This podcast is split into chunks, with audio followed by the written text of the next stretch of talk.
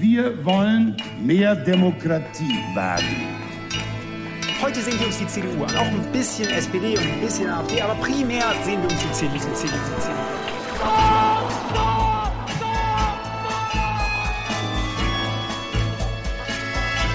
Niemand hat die Absicht, eine Mauer zu errichten. Ich weiß, ich habe heute Morgen in den Spiegel geguckt und dachte, wer ist denn die Hotte Bitch? Werden schon in wenigen Jahren blühende Landschaften, blühende Landschaften geworden sein. Früher waren wir Lametta. Wir haben so vieles geschafft, wir schaffen das. Hei, hei, kjære lyttere, og velkommen til episode 126 av din favorittpodkast Tyskerne. I studio Ingrid Brekke og Kai Schwind, hallo.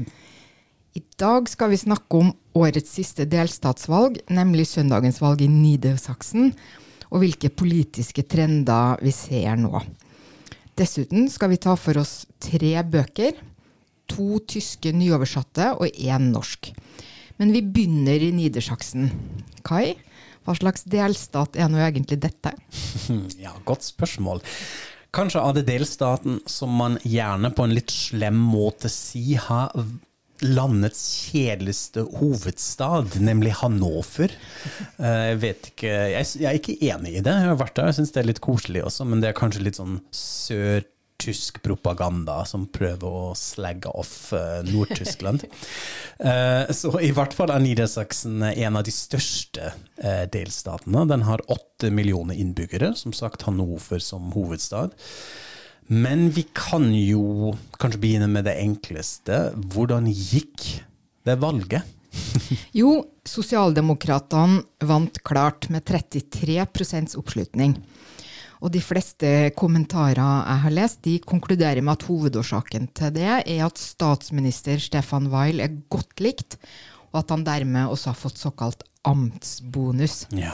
Det har vi sett i mange delstatsvalg, at hvis folk er fornøyd med den statsministeren eh, de har, så blir vedkommende gjerne gjenvalgt. Og nå innleder da han regjeringssamtaler med De Grønne, som fikk drøyt 14% av stemmene. Og det her blir Wiles tredje regjering. Først var det rød-grønn, så stor koalisjon, og nå kan det altså bli rød-grønn igjen. Og vi liker jo gjerne å understreke at delstatsvalg, de er lokale. Men denne gangen så handla det antagelig mer om nasjonal politikk enn vanlig, rett og slett fordi det er en sånn krisestemning. Så vi våger oss på en liten eh, trendanalyse. Og da er det greit å se på hvem som vant velgere, og hvem som mista velgere. Og de eneste to partiene som gikk frem, altså sammenligna med forrige delstatsvalg, det var De Grønne og Alternativ for Tyskland, AFD. De Grønne de økte med 6 prosentpoeng. Men det blir også diskutert hvor stor den suksessen egentlig er, fordi de lå mye høyere på meningsmålingene for noen uker siden. Og dette er jo litt De Grønnes evige svøpe, at de gjør det bedre på målinger enn i valg.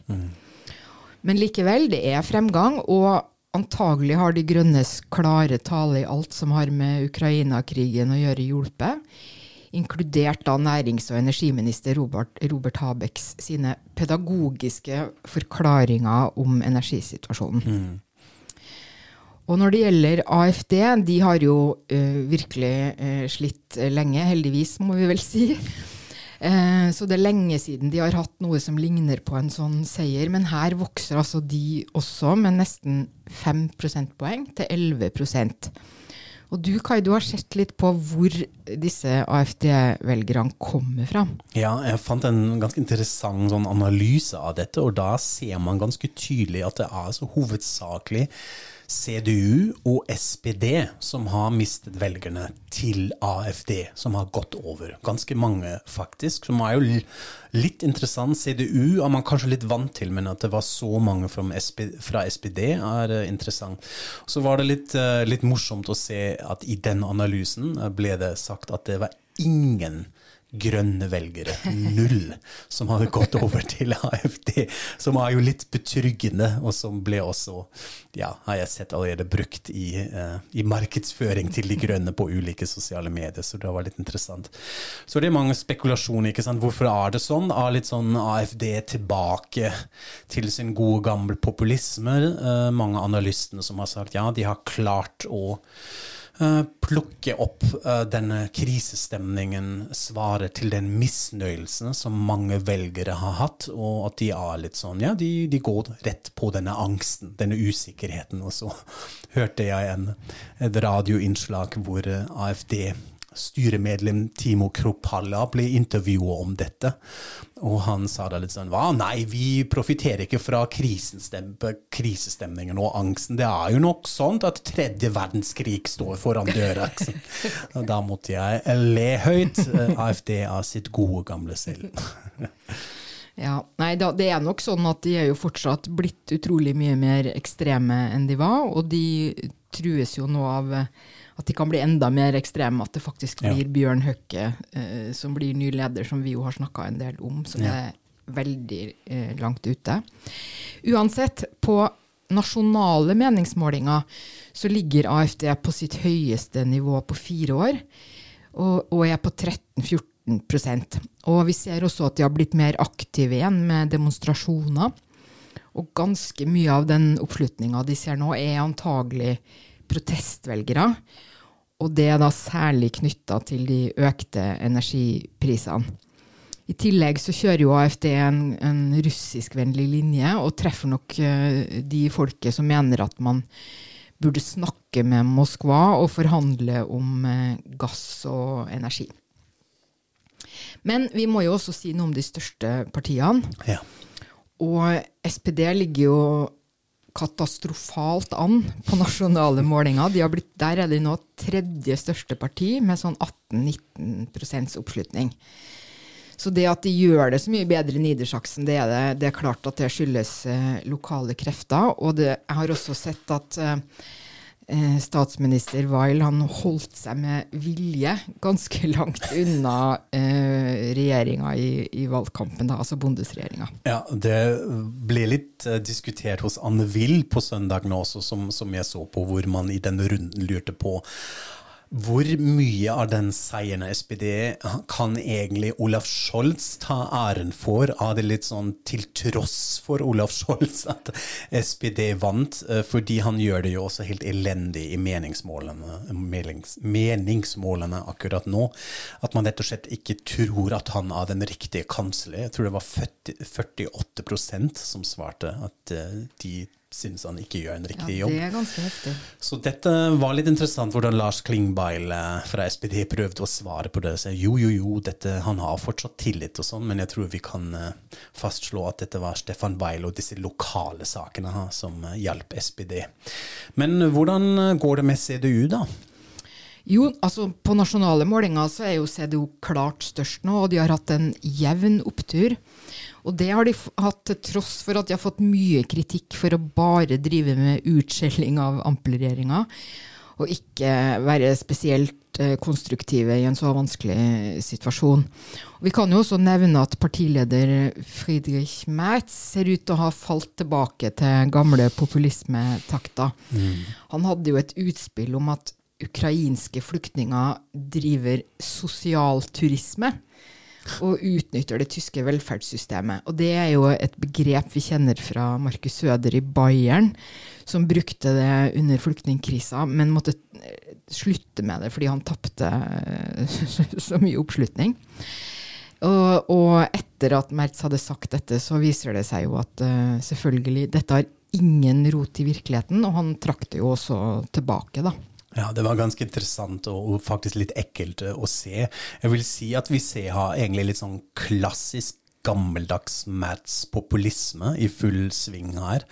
Eh, Det er mange som kommenterte, det ble også diskutert på Anne Will, dette at man eh, Mats som en politisk veteran som han er, visste nøyaktig hva han gjorde da. ikke sant? At man da sier noe, etablerer et begrep, og så kommer shitstormen, og så trekker man litt tilbake. Men han- man har allikevel klart å sette det på kartet, og at eh, Mats eh, gjorde akkurat det her. Så eh, det er interessant. Jeg tror vi ser litt mer den gamle Mats her, som prøver å få noen velgere, men så fungerte det jo ikke helt at han fikk, fikk de velgere eller var nok det var han sikta til.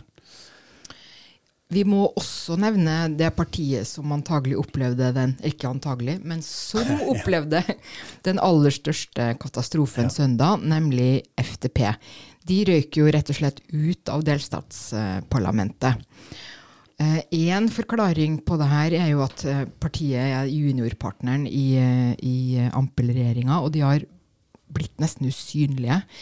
Pluss at eh, deres eh, saker, som f.eks. digitalisering, har jo fullstendig er jo helt borte fra dagsordenen nå. Dessuten har partileder og finansminister Christian Lindner i det siste hatt en åpen konflikt med Habek. Både om hvor lenge kjernekraftverkene skal gå, og om, om energisituasjonen. Og det gjør nok også eh, sitt til at eh, man føler litt at eh, FTP er eh, usolidariske med de andre, eller at de har sin egen dagsorden, eller sånn, som, som også kan slå eh, negativt ut, da. Mm, ja, det var virkelig ganske påfallende å se hvor dårlig de gjorde det. Litt skremmende, faktisk, kanskje. Ja, men nå altså, sitter vi her og maser om delstatsvalgene igjen. og eh, trofaste lyttere vet jo hva slags betydning de har eh, i Tyskland. ikke sant? Jeg syns jo også at dette var et sånn fantastisk grep du gjorde i den nye boka di, Ingrid. I begynnelsen Ja. med det. Kan vi nevne, nevne det? Det er viktig. Eh, I, I begynnelsen hvor du har en sånn oversikt over hvor eh, mange innbyggere disse delstatene har i Tyskland, ikke sant? som vi sa Niedersachsen da med åtte millioner pluss. Så dette er mange mennesker, så det er mye oppmerksomhet rundt disse delstatsvalgene. Eh, og selv om ja, det handler hovedsakelig om lokale saker, så diskuteres dette jo på nasjonalt nivå. Så for å litt sånn runde av her, hva kan vi si? Hva er konklusjonen, trenden? Hva sier det for hele Tyskland, det som skjedde i Niedersachsen nå i helgen? Ja, nei, jeg, jeg tenker jo at um, dette at uh, FTP røyker ut og gjør det så dårlig, da, det understreker jo dette som vi har sett, at uh, Ampel-regjeringa sliter ganske nå med samholdet. Altså at de fremstår mye mer som mange forskjellige individer som driver med hver sitt uh, politiske prosjekt, mens de i begynnelsen fremsto som et sammensveisa kollektiv. Det er liksom i ferd med å sprekke. Så det tenker jeg er det ene vi kan øh, kanskje se av, av dette. Det andre syns jeg også er, er veldig talende for, for vår tid, for å bruke litt store ord. Og det er jo at vi, vi kan se en slags økende polarisering i form av at AFD og De grønne var de eneste som, som gikk opp, Ja. eh, eller gikk frem. Og det, de kan jo også ses som altså Det blir jo mye snakka om at eh, i vår tid så er ikke den store politiske motsetninga mellom høyre og venstre lenger, men den er mellom liberale eh, demokrater og autoritære ytterliggående. Og der er jo nettopp De grønne kan jo sies å være det mest sånn eh, prinsipielle, menneskerettighets, eh, likestilling, alt dette her eh, partiet. Eh, mens AFD på en måte er det motsatte, og, og fremstår ganske eh, autoritære, og i hvert fall eh, veldig ytterliggående. Og de har jo for lenge siden utpekt De grønne som eh, sin hovedfiende. Så jeg, så jeg tenker at etter hvert som denne krisa utvikler seg, så vil vi kanskje se akkurat dette mer. Men nå skal vi ta skrittet fra politikkens til bøkenes verden, og vi begynner med da med deg, Kai, for du har lest Kairos av Jenny Erpenbeck, en favoritt av oss begge, må vi kanskje si? Ja, absolutt. Og vi har jo også snakket om Jenny Erpenbeck i podkasten før, så ja, som du sier, vi er fans. Og jeg gleder meg litt til å lese denne nye boka. Jeg må eh, si sånn innledningsvis at jeg har lest den på tysk. Eh, og har bare lest litt i den på norsk, men det ser ut som det er en veldig bra oversettelse av Ote Neumann, eh, som, som sagt, til norsk. Fordi det er jo det som jeg kanskje liker aller mest med Erne Erpenbeck, språkbruket hennes. Um, hun forteller selvfølgelig interessante og relevante historier òg, men det er nok i det språket som er både litt sånn nøktern og ganske skarp samtidig. Det er noe spesielt med språket, uten at det er distansert, selv om det kanskje er det. Nei, jeg vet ikke, dette fører ingen vei her. Jeg liker språket til Jenny Erpenbeck, så det var gøy å lese den uh, på tysk, men jeg tror det fungerer like bra på norsk også. Kairos er en roman som foregår i tidsperioden fra 1986 til 1992. Eh, vi er i Øst-Berlin, så vi er i denne superspennende overgangsfasen fra gamle DDR til da den tyske gjenforeningen gjennomføres. Um, og vi ja, opplever et kjærlighetsforhold mellom den 19 år gamle Katarina og den 53-årige Hans. Oi, oi, oi. oi, oi, oi er en god eh, reaksjon. Ja, vi snakker om stor aldersforskjell her. Katarina er setterlærling på et statlig trykkeri i Øst-Berlin, og han er romanforfatter og en uh, fast medarbeider i den statlige kringkastingen. Så han lager sånne radiodokumentarer, kultursendinger og sånn. Og de møtes uh, tilfeldig på en buss. Uh, søker ly for regnet uh, ved Alexanderplatz og begynner da en affære. Fordi det er en ordentlig affære. Han er gift og har en sønn. og dette kommer til å skape ganske mye trøbbel etter hvert. Samtidig som jeg må allerede si her, jeg syns det er litt fascinerende å se kanskje en slags mentalitetsforskjell mellom øst og vest her også. Altså, det er jo selvfølgelig mm, moralsk forkastelig å ha en affære, men samtidig ser det ut som man har en litt store toleranse da i Øst-Tyskland. at ja, sånn er det. Man har kanskje en litt større aksept uh, for sånne polyamorøse forhold. at det er sånn. Jeg tror en vest tysk forfatter hadde kanskje skrevet litt annerledes om det, eller diskursen rundt det hadde kanskje vært litt annerledes. Så er det litt spennende å se hvordan Jenny Erpenbeck på en måte forteller den historien uten å moralisere. Som, eh, eller ikke på sånn hele veien, så det syns jeg var litt interessant. Så følger vi dem eh, ganske detaljert gjennom dette forholdet. Det er hemmelige kjærestetur eh, til Moskva blant annet, eh, og andre steder. Og vi ble da etter hvert også vitne til hvordan dette forholdet faller fra hverandre på en ja, ganske fæl måte. Hans ble nemlig veldig sjalu da Katarina også begynner å ha affære og møte yngre menn og sånn. Og da begynner han å hmm, sette henne på plass på en måte som uh, vi kanskje hadde beskrevet med, med ordet toksisk maskulinitet i dag. Uh, som uh, ja, er iblant faktisk litt problematisk, eller veldig, veldig vondt å lese. Hvor mye han undertrykker denne unge kvinnen. Mm.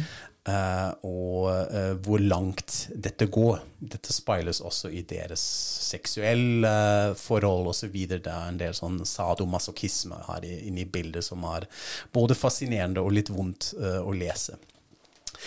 Så Erpenbeck er jo en forfatter som er generelt ganske opptatt av detaljer. Eh, I boka 'Alle dagers ende' var det gjenstander. Dette fortalte hun jo også på denne forfattersamtalen under den norsk-tyske litteraturfestivalen, som du og jeg også var til stede, Ingrid. Hørte på henne. Altså, hvordan symbolisere ulike gjenstander et liv? Hva gjør vi med tingene våre uh, i løpet av et liv? ikke sant? Vi pakker de ned i esker og setter de på boden og sånn. Og hva skjer når vi da henter dem frem og blir konfrontert med disse minnene? Dette er også det som skjer i Kairos. Det er Katarina som minner tilbake, ser på gamle postkort og bilder og tenker på hans og dette forholdet. Mm. Så til en viss grad handler også Kairo om det, dette med gjenstanden, men kanskje enda mer av detaljene Erpenbeck er opptatt av denne gangen, øyeblikkene.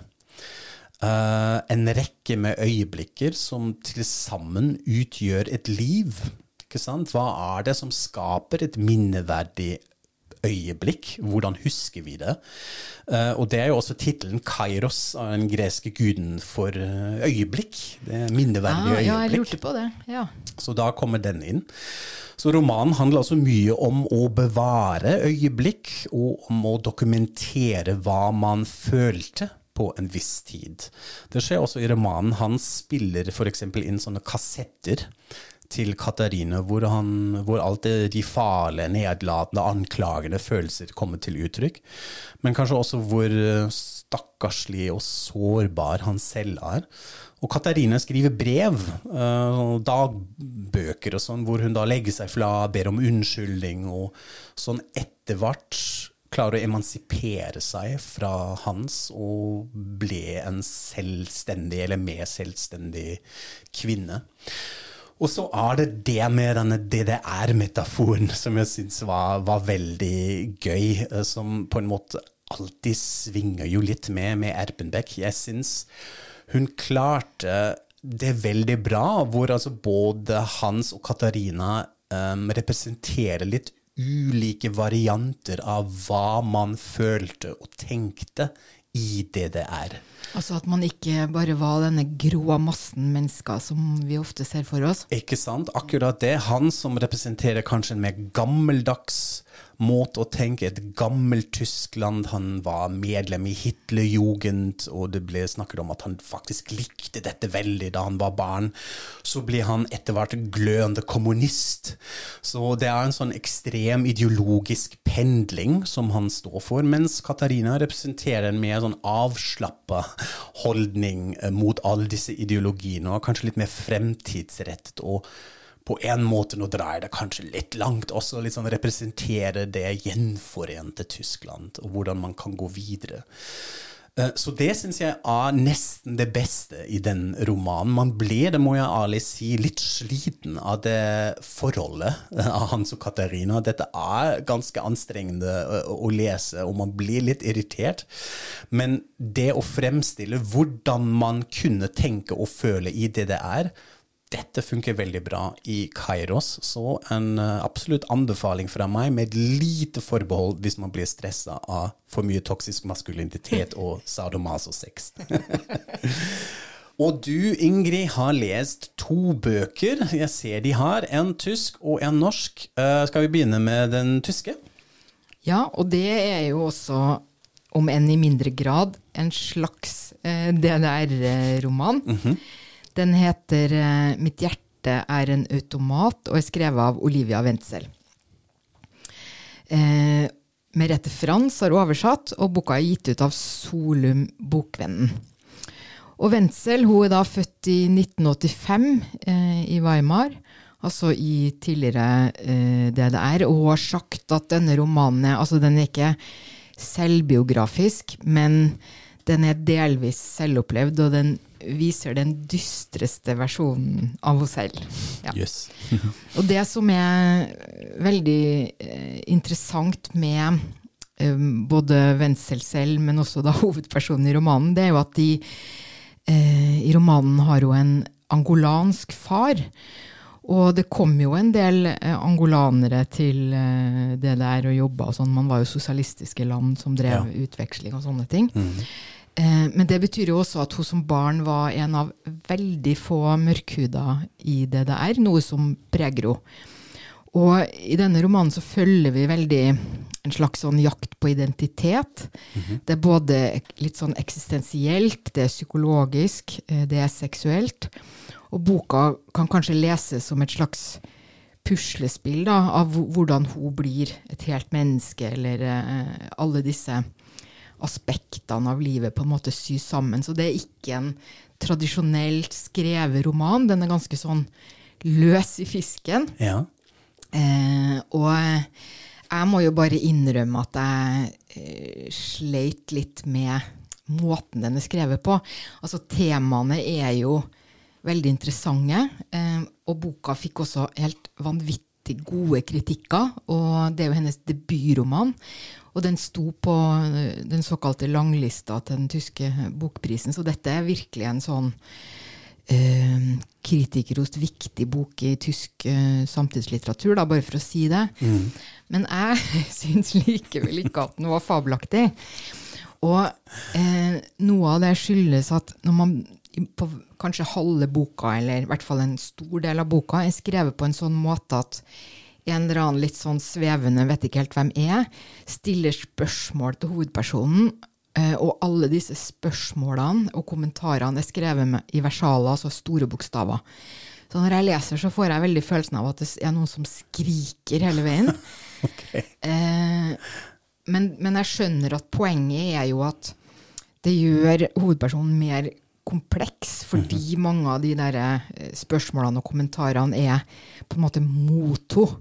Altså at hun får ikke bare selv vise fram seg selv, hun har også en slags kontrast da, som, Ja. som er kritisk eller halvkritisk. Eller, ja. Så, men jeg tenkte også at hvis jeg hadde vært 20 år yngre, hadde jeg nok kanskje likt denne boka mye bedre. Så eh, ja. Ja. Men eh, ja, nå følte jeg meg veldig gammel og grå, men sånn er nå det. Men jeg, jeg kan jo komme med noe eh, veldig rosende til slutt, da, og det er jo den norske tittelen, altså 'Mitt hjerte er en automat'. Den passer helt utrolig bra på boka. Um, mens når jeg sjekka, så har jo den tyske boka har en helt annen tittel, nemlig 'Thousand serpentinen angst'.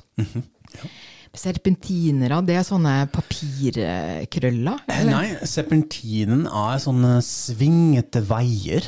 Mm, Altså en sånn en vei, en, en kjørevei, altså motorvei med masse kurver som du kan ha. Liksom, man kjører opp serpentinene i fjellet eller opp og ned og sånn.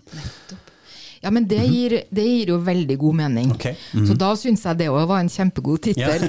Men det, det er sikkert eh, antagelig veldig vanskelig å oversette. Og jeg syns det er ofte veldig lurt at man bare velger en helt annen Ja, tittel i stedet for en eller annen sånn litt platt oversettelse. Enig. Og dette treffer altså mm, superbra. Ja, Det er en veldig kul tittel på norsk, syns jeg også. Her kan vi jo litt sånn elegant kaste ballen videre til lytterne våre, kanskje litt yngre lyttere, som kan fortelle oss hva de syns. Ikke at du er for gammel og ikke i stand Ja, å bedømme dette, Ingrid. Men jeg vet hva du mener. Det er litt interessant iblant når man leser noe som ikke sånn oppleves direkte relevant, og man, man tenker Jeg har tenkt det ofte litt sånn, kanskje også fordi jeg begynner å bli gammel, eh, at ja, jo, jo, sånn 15 år siden hadde jeg digga det skikkelig. Så det, det er litt interessant. Men eh, en norsk bok har du også lest? Ja, og Hvem det er, er jo en Hvem av det det? absolutt eh, ja, det er jo en absolutt helt annen bok, for det er en slags eh, Eller det er en guidebok til Berlin. Ja. Som er skrevet av eh, Svein Olav Kolseth og gitt ut på Kolofon forlag. Og den heter 'Berlin noen andre steder'. Og eh, det som er veldig bra med denne boka, det er at den har et så spissa konsept. Altså eh, for folk som er glad i Berlin, eh, og har vært der noen ganger, så har man jo sett Brandenburger-tår og, og Fjernsynstårnet og Historisk museum og alt det der. Mens denne boka handler da om hva skal man så se? Altså sånne litt ukjente, interessante steder, minnesmerker og sånne ting. Sånn at han, Kolseth han er nok en sånn skikkelig klassisk Berlin-entusiast. Ja. Og har da brukt kunnskapen sin eh, til dette, og også uh, tatt utrolig mange fine bilder. Så det er en, eh, absolutt en sånn interessant eh, bok for hva skal vi si, Berlin-viderekomne. Ja, veldig bra. Og da kan jeg jo nå spørre deg om jeg kan låne den. Fordi jeg skal nemlig til Berlin nå, en liten tur, en slags lang helg. Eh, og det, ja, det treffer meg. Jeg har jo vært der mange ganger og føler jeg har sett mye.